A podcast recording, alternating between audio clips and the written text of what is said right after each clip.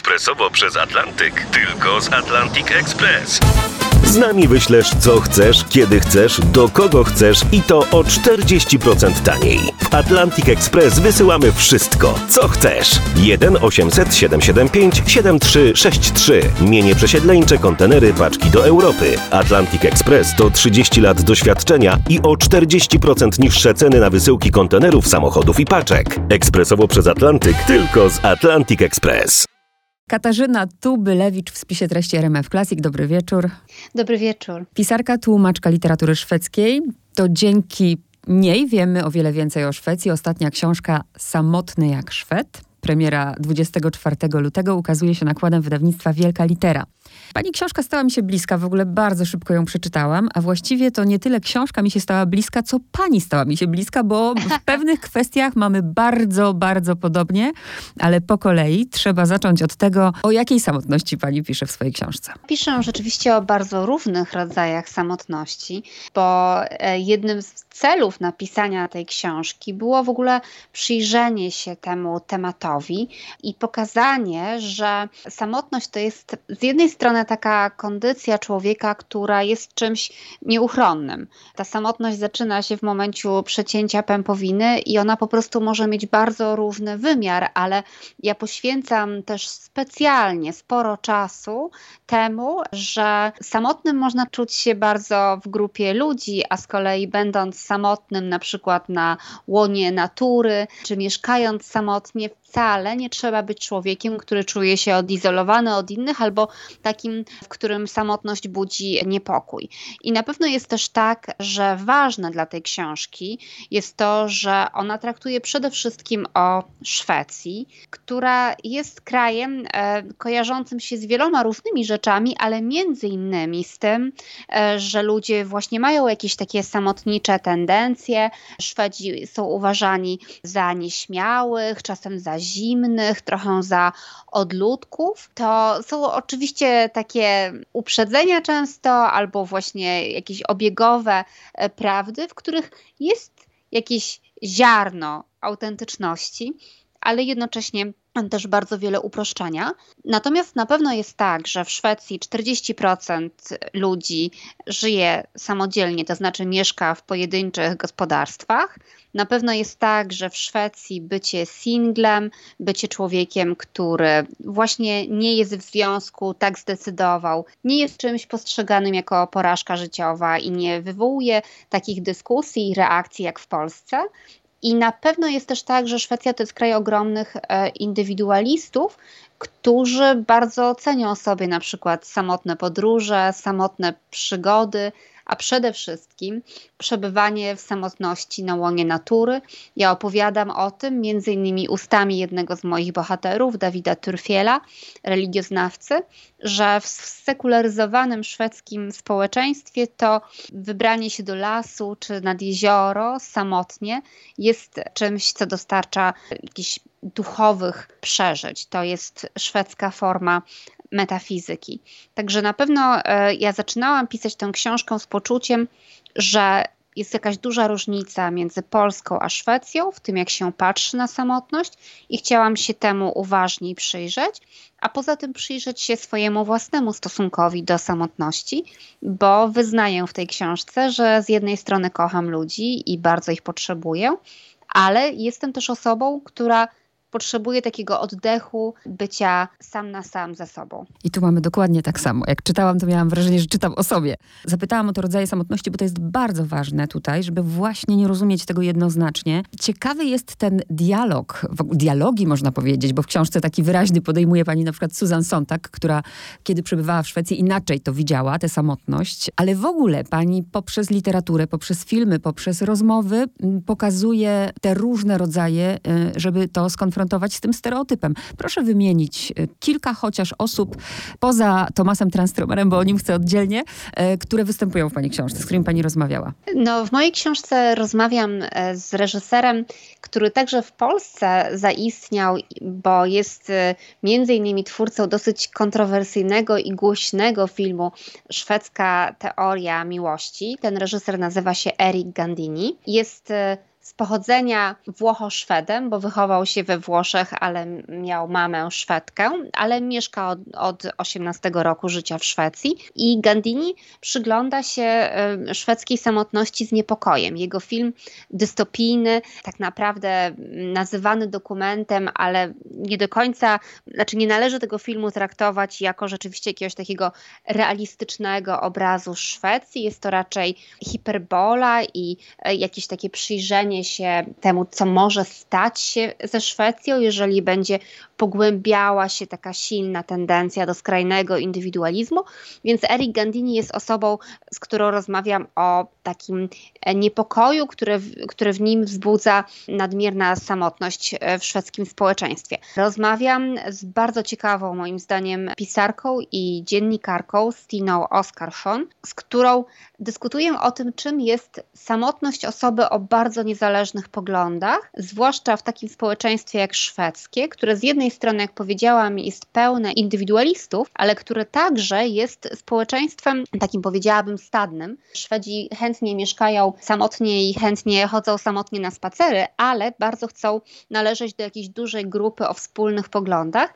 I Szwecja, będąc tak jak większość dzisiaj krajów, państwem dosyć spolaryzowanym w wymiarze politycznym, ma jeszcze czasami większe problemy, myślę, z debatą medialną niż Polska, dlatego że w Szwecji po prostu unika się pewnych tematów i unika się bardzo konfliktów. Więc taka osoba jak Stina Oskarsson, która sama mając poglądy lewicowe, decyduje się na to, by rozmawiać, prowadzić wywiady, dyskusje z ludźmi z zupełnie innego spektrum politycznego, ludźmi nawet takimi, którzy uważani są za wręcz zagrożenie dla demokracji. W Szwecji ląduje w takiej sytuacji, że często jest bardzo samotna, ponieważ w Szwecji ona to bardzo ładnie ujmuje. Panuje takie przekonanie, że można zarazić się czyimiś poglądami.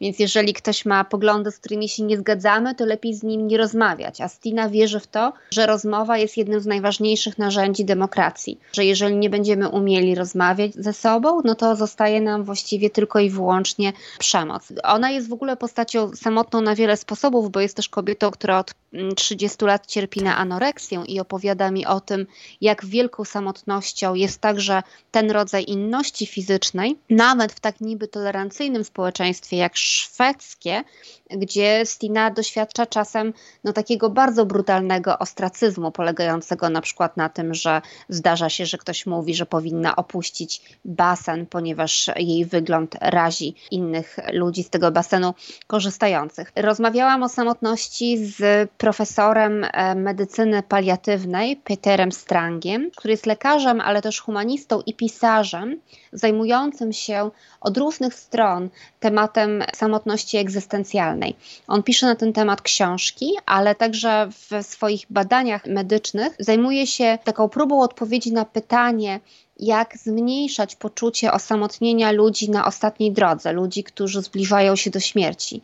I myślę, że ta rozmowa jest fascynująca, bo ona konfrontuje w ogóle z takim w nas wszystkich obecnym lękiem przed ostateczną samotnością, którą jest śmierć. Strang ten lęk oswaja ja sama muszę powiedzieć, że po rozmowie z nim miałam jakieś takie poczucie no, takiego ogromnego uspokojenia, właśnie także w wymiarze egzystencjalnym, tak myślę. Rozmawiałam także ze szpiegiem byłym, dzisiaj pisarzem Wincentem Sewerskim, ponieważ doszłam do wniosku, że najbardziej samotnym zawodem świata nie jest zawód pisarza, tylko właśnie szpiega, który jest człowiekiem nie mogącym powiedzieć o tym, czym się zajmuje, naprawdę nikomu na świecie.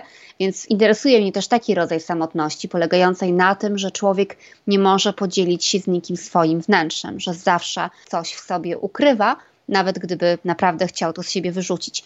To są tylko przykłady, bo jak pani wie, tych rozmów jest więcej i rzeczywiście chodziło mi o przyjrzenie się tematowi samotności naprawdę od wszelkich możliwych stron i podkreślę też, że w mojej książce jest bardzo dużo takich radosnych opowieści o samotności, tak jak rozmowa z Linusem Jonkmanem na temat introwertyków i tego, że to introwertycy z reguły są szczęśliwsi niż ekstrawertyzm. Tak, to prawda i każda z tych rozmów jest, nie umiem wybrać, która jest najlepsza, bo wszystkie są świetne, ale jedna rzeczywiście jest poruszająca z zupełnie innego względu, ale zanim o niej powiem i zapytam, to jak się właściwie, bo po polsku zawsze mówimy transtromer, jak się naprawdę mówi dobrze to nazwisko? Tumas Tranströmer. Tremer. E, tra, Tranströmer. Po prostu spolszczamy to, ale właśnie chciałam wiedzieć, jak to się mówi naprawdę. Ja rozumiem kontekst i rodzaj samotności, za chwilę poproszę, żeby pani słuchaczom powiedziała, ale ta historia, ona stała się nie tylko historią o samotności, to się stała przepiękną historią o miłości. Tak. Ja zresztą w tej książce parokrotnie opowiadam o miłości i sugeruję, że w Szwecji jest więcej romantyzmu niż moglibyśmy się spodziewać, a także sugeruję, że tylko zaakceptowanie tego, że mamy gdzieś w sobie samotność i brak lęku przed samotnością, naprawdę pozwala na to, by czuć taką prawdziwą, głęboką miłość, która nie polega na chęci uprzedmiotowienia drugiego człowieka. Ale kiedy mówimy o mojej rozmowie z nieżyjącym już Tumasem Transtremerem, to rzeczywiście była to zupełnie niezwykła historia, ponieważ Tumas Transtremer, najwybitniejszy szwedzki poeta na pewno ostatnich stu lat, też e, najczęściej tłumaczony, on był tłumaczony na ponad 60 języków, no i laureat Nagrody Nobla. Kiedy miał 50 parę lat, 58 o ile pamiętam, dostał wylewu i na skutek tego zapadł na afazja.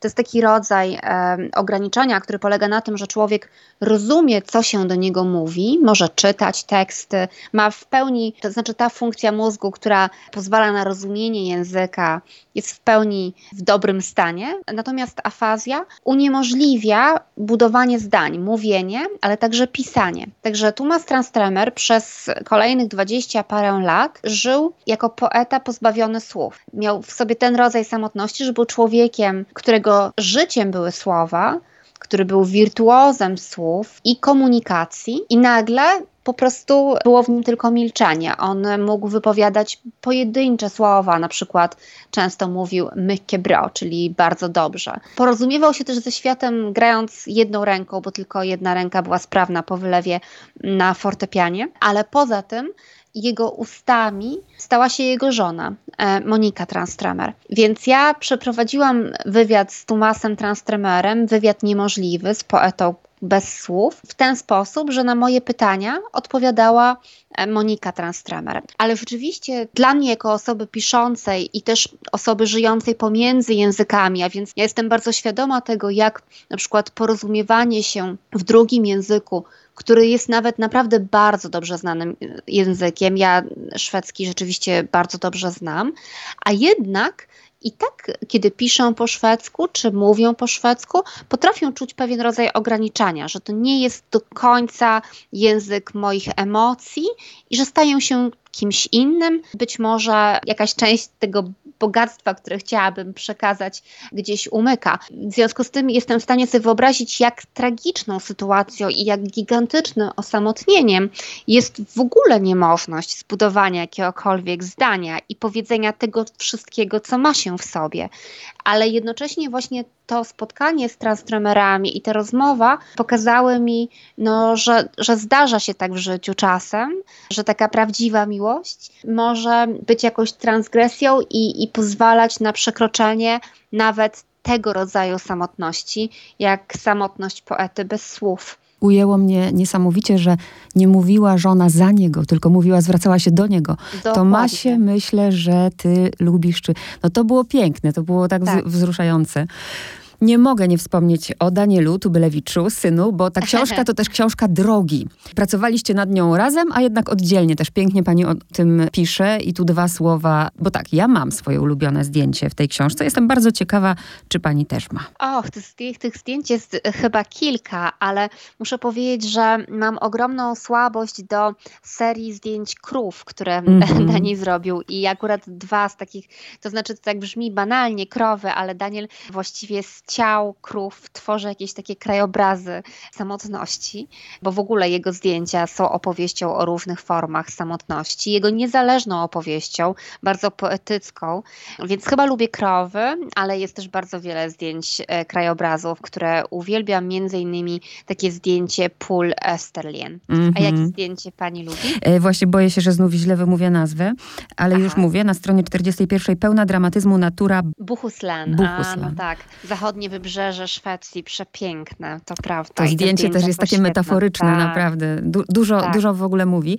I też poza tym, że jest to książka o samotności, znajduje tu właśnie wiele innych historii, też relacji waszej między mamą a synem, między tym, jak pięknie pani o tym opowiada, że to jest oddzielny człowiek. On nosi to samo nazwisko, to jest pani syn, ale to jest oddzielny człowiek ze swoją historią, jaką mu pani wolność daje. Oj, dziękuję. No tak, no mój syn powiedzmy ma już 20 e, lat, ale też dodam, że to nie jest e, pierwsza nasza współpraca, bo on robił zdjęcia do mojej wcześniejszej książki, jak jeszcze nie był pełnoletni i już wtedy dostał ode mnie bardzo dużo e, wolności. Ja w ogóle jestem zwolenniczką takiego wychowywania dzieci, które polega na tym, że się docenia ich kompetencje i ma się szacunek dla ich odrębności, nawet wtedy, kiedy są bardzo małe, ale jednocześnie opowiadam w tej książce, że moje doświadczenie macierzyństwa jest takie, że macierzyństwo na początku jest takim całkowitym odebraniem samotności, no, w sensie dosłownym, kiedy nosi się dziecko pod sercem, a później w wymiarze tego, że małe dziecko tak strasznie dużo potrzebuje od nas czasu. Ja jeszcze opisuję to, że wychowywałam Daniela małego w zupełnie dla mnie nowym kraju, czyli Szwecji. Nie znałam jeszcze języka. Mój mąż w czasie, kiedy Daniel był bardzo mały, pracował głównie poza Sztokholmem, także ja przećwiczyłam też taką maksymalną samotność mamy z małym dzieckiem, bo nie miałam babci do pomocy, ani żadnych przyjaciół. Jeszcze rzeczywiście byłam w pełni oddana mojemu synowi. Z macierzyństwem jest tak, że kiedy już człowiek się przyzwyczai do tego, że trzeba wszystko zostawić zawsze, kiedy dziecko nas potrzebuje, bo, bo rzeczywiście ono jest najważniejsze. I ja naprawdę nie mam pod tym względem żadnych wyrzutów sumienia, bo dopóki mój syn był mały, to był zawsze absolutnym priorytetem i z wielu różnych rzeczy zrezygnowałam, żeby mieć dla niego czas, ale kiedy już tak się nauczymy tego i to wszystko funkcjonuje, to okazuje się, że teraz nadchodzi moment, kiedy mamy cały czas stawiać krok do tyłu i dawać temu dorastającemu dziecku, a potem młodemu człowiekowi przestrzeń i skrzydła. I zadaniem rodzica jest być, kiedy jest potrzebny, ale jednocześnie naprawdę nie oplatać tymi takimi mackami ośmiornicy, która chce zachować to dziecko mm. i cały czas prze przez. Wydaje mi się, że w Szwecji być może jest to łatwiej robić, bo jest większe zrozumienie dlatego, e, że mm, dzieci powinny dość wcześnie mieć sporo niezależności od rodziców. Ja może też mam o tyle szczęście, że właśnie będąc introwertyczką, czyli osobą, która ma i miała zawsze swój własny świat, a poza tym e, ja jestem też osobą, która kocha to, co robi, kocham pisanie, kocham uczenie jogi, praktykowanie jogi i tak dalej. Jest wiele rzeczy, które mnie fascynują fascynują. Więc pomimo tego, że mój związek z synem jest niezwykle silny, bo my jesteśmy do siebie podobni, tak, my się bardzo, bardzo. przyjaźnimy. Bardzo Ale nawet fizycznie na, na oku tak. widać pod koniec tak. książki te zdjęcia to kopia. Tak, tylko że Daniel jest strasznie wysoki, e, bo ma tam 1,80 m parę, a ja jestem drobna, więc śmiesznie wyglądamy ze sobą. Ale jednocześnie mm, teraz mój syn marzy o tym, żeby studiować w Kopenhadze i ja tak bardzo trzymam za niego kciuki i tak strasznie chcę, żeby mu się udało. I naprawdę cieszę się z tego, że nie jestem taką mamą, która myśli, o, ale mój syn synek wyjedzie, ja tu będę smutna, bo ja mam poczucie, że właśnie macierzyństwo to jest coś takiego, że kiedy już to dziecko staje się dorosłym, dającym sobie radę człowiekiem, to największe szczęście jest wtedy, gdy ono znajdzie coś, co kocha i po prostu za tym idzie, a my i tak ten kontakt ze sobą zawsze będziemy mieć bardzo silny. Ja akurat z Danielem mam taką relację, że on z jednej strony ma bardzo dużo przestrzeni i wolności. Zdjęcia, które robił do książki, pokazał mi tydzień przed wysłaniem ich do wydawnictwa, bo tak bardzo chciał sam nad nimi pracować, a pracowaliśmy nad tym projektem wspólnie przez półtora roku, ale jednocześnie my, ten nasz związek jest na tyle silny, że ja wiem, że on i tak zawsze mi jakiegoś SMS Przyśle i powie, co u niego słychać i tak dalej. I wydaje mi się, że to, to jest jak, jakaś metoda na, na bycie rodzicem, e, dawanie skrzydeł. I rozumienie, że dziecko musi odejść, że to jest w ogóle po to, o tym pisał ładnie Kahil Gibran, że rodzic to jest łuk, a dziecko to jest strzała i po prostu ona ma gdzieś lecieć. Nie każdy rodzic to potrafi, więc to jest też, e, no bardzo dużo tutaj, myślę, ta książka też daje takiej nauki. Jeszcze dwa pytania. To jedno ja też wiem, że będzie trudno pani na nie odpowiedzieć, ale nie da się o tych wszystkich miejscach, więc zadam to pytanie tak. Gdzie pani najlepiej, mówię o miejscu, konkretnie o miejscu, doświadczyła samotności? Czy to była Holandia, czy to było to Österlen? To mnie ciekawi. E, myślę, że niezwykle samotnym miejscem i takim melancholijnym, ale jednocześnie bardzo pięknym była wyspa Fore, niedaleko Gotlandii, dlatego że my tę wyspę słynną z tego, że mieszkał tam e, i tworzył Bergman. E, my na Forę wybraliśmy się w styczniu. Forę latem jest miejscem chętnie odwiedzanym przez turystów, bo, bo to naprawdę wyjątkowo piękny kawałek Szwecji, ale w styczniu to tam naprawdę nikogo nie ma. Więc to była chyba najbardziej taka odczuwalna samotność. Ale z kolei miejsca, które ja najbardziej kocham, to na pewno Estelien, o którym e, kraina w Skanii, o której pani wspomniała, jest e, jakimś takim krajobrazem mojej duszy. Tam jest po prostu bardzo, bardzo pięknie. E, I na pewno ważne jest dla mnie Eland, czyli po polsku Olandia, bo to jest wyspa, którą ja odkryłam dla siebie jako piętnastolatka, w momencie, w którym jeszcze w ogóle nie wiedziałam, że moje życie kiedykolwiek będzie związane ze Szwecją. I to jest taka wyspa, na której ja zrozumiałam e, jako taka właśnie niepewna siebie nastolatka, bardzo uzależniona od grupy rówieśniczej. Nagle zrozumiałam, że jest jakaś siła i piękno w tym, że jestem sama na jakiejś łące, że idę sama do lasu, że jeżdżę sama na rowerze. not Na Eland odkryłam e, bardzo wcześnie, że ja też mam chyba coś z takiej szwedzkiej duszy w sobie, bo kocham być sama na łonie natury i lubię taką samotność, która jednocześnie jest trochę e, przygodą. E, dzisiaj na przykład właśnie uwielbiam samotnie jeździć samochodem, ale uwielbiam też jeździć samochodem z Danielem, bo my jesteśmy takimi podróżnikami, którzy mogą ze sobą dużo gadać, a mogą też po prostu przez cały dzień nic nie mówić i każdy jest w swoich myślach, więc jesteśmy razem, a zaraz razem oddzielnie i jest w tym jakaś taka wolność, no i smak przygody zdecydowanie. Właśnie, tak jak pani mówi, w tej książce też mamy wolność, bo to nie jest obraz jeden, tylko każdy ma tu możliwość wyboru z całej palety i książka to jest e, o samotności, książka o miłości, książka o Szwecji, o miejscach, no i jeszcze o czymś, o co dla mnie jest bardzo ważne, bo ja się tego uczyłam wiele lat. Ja nie, nie praktykuję jogi jakoś, nie wiem dlaczego, się tego jeszcze boję, ale medytuję i pamiętam pamiętam, tak. jak moja droga do tej medytacji, jak, o, jak ona była długa, ile lat zajęło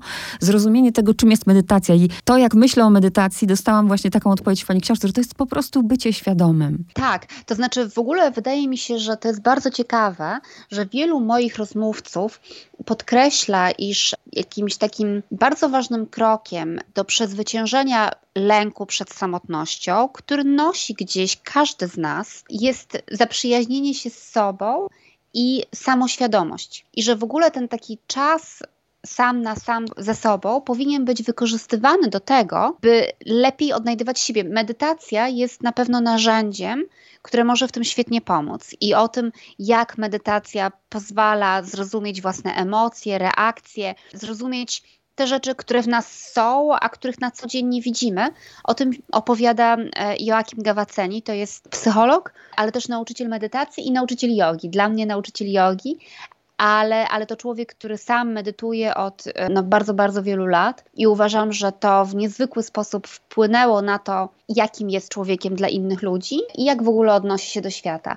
Ale o tej samoświadomości opowiada także Vincent Sewerski, czyli wspomniany były szpieg. Opowiada o tym profesor Peter Strang, który twierdzi, że właśnie sposobem na to, by mniej cierpieć z powodu egzystencjalnej samotności, z takiego, bo bardzo wielu ludzi odczuwa samotność wtedy, gdy dzieje się im coś złego i mają poczucie, że nikt nie jest w stanie zrozumieć ich cierpienia, wejść w ich skórę. Ten rodzaj odosobnienia jest dla nas bardzo bolesny. I Peter Strang zajmuje się przede wszystkim tym, jak takie odosobnienie wpływa na człowieka, który umiera ale twierdzi, że tak samo można się czuć, no nie wiem, po rozwodzie, kiedy człowiek stracił pracę, w różnych takich momentach kryzysów życiowych. I on twierdzi, że jakąś taką szczepionką na to, by się po prostu nie rozpaść i nie czuć czegoś takiego straszliwego, takiego jakiegoś bardzo bolesnego odizolowania, jest przygotowanie się do takich sytuacji w ten sposób, że właśnie znajdujemy czas na świadomą osobność, znajdujemy czas w życiu na to, by być sami ze sobą i znowu zaprzyjaźnić się z sobą i znaleźć też w sobie partnera. Naprawdę jest tak, że człowiek sam dla siebie może być kotwicą, człowiek sam może siebie lubić i mieć z sobą wewnętrzny dialog, e, który powoduje, że samotność jest zupełnie inaczej odczuwana. Mówię teraz ze swojego doświadczenia, zauważyłam, że trzeba praktykować, bo kiedy tylko odpuszczę, nie wiem, na kilka tygodni, to momentalnie wraca to tak. stare myślenie. Cały czas trzeba być w praktyce, żeby to uchwycić. Zgadzam się, to tak prawda. dokładnie jest. Dziękuję też za taką właśnie lekcję akceptacji, bo po przeczytaniu tej książki ja wreszcie mogę sobie powiedzieć, jestem introwertyczką, jestem ekstrawertyczką i to jest. Okay. Lubię być z kimś i lubię być sama i to jest. Okay. Dokładnie tak. Warto też podkreślić, że na temat introwertyków też istnieje bardzo wiele stereotypów i uproszczeń i taki obraz introwertyka jako odludka, jako kogoś, kto po prostu nie lubi ludzi albo jest tak nieśmiały, że e, nie potrafi się z nimi kontaktować, to jest obraz całkowicie nieprawdziwy, bo introwertycy mogą być niezwykle rozmowni, niezwykle kontaktowi. Żeby opowiedzieć o introwertykach, przeprowadziłam rozmowę ze specjalistą szwedzkim od tego tematu, pisarzem Linusem Jungmanem, który sam jest introwertykiem i w książce opisuję nasze spotkanie i to, że my tak zaczynamy ze sobą rozmawiać i mamy takie poczucie bliskości i e, tyle sobie do powiedzenia nawzajem, że ja w ogóle zapominam nagrać połowy wywiadu, bo jestem w takich emocjach. Takie spotkanie introwertyków, tak? Introwertycy mogą być na przykład świetnymi mówcami. Także dlatego, że są mniej z reguły narcystyczni niż ekstrawertycy i może nie upajają się tak tym, że dużo ludzi na nich patrzy. To nie jest jakimś celem dla introwertyka mieć wielu widzów, więc introwertyk trochę lepiej się przygotuje, przygotowuje do wystąpień publicznych. Tak więc cechą introwertyka podstawową jest to, że jest osobą, która ładuje baterie, napełnia swoje akumulatory w samotności. Dla introwertyka obcowanie z ludźmi jest bardziej męczące niż dla ekstrawertyka, który niejako ekstrawertyk czerpie, czerpie energię od ludzi i on się karmi po prostu byciem z innymi. A introwertyk także z tego powodu, że z reguły troszeczkę więcej wyczuwa w relacjach międzyludzkich, trochę więcej bodźców do niego dociera, napięć w rozmowach. O tym bardzo bardzo ciekawie też pisze taka amerykańska autorka Susan Kane w książce Ciszej, którą polecam, ona wyszła po polsku.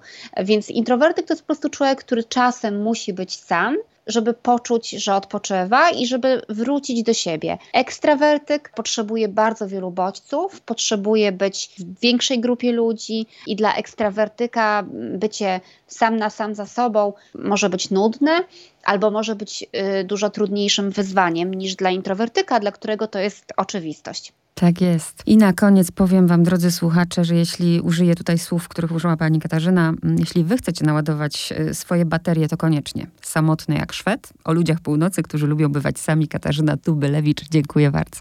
Bardzo dziękuję.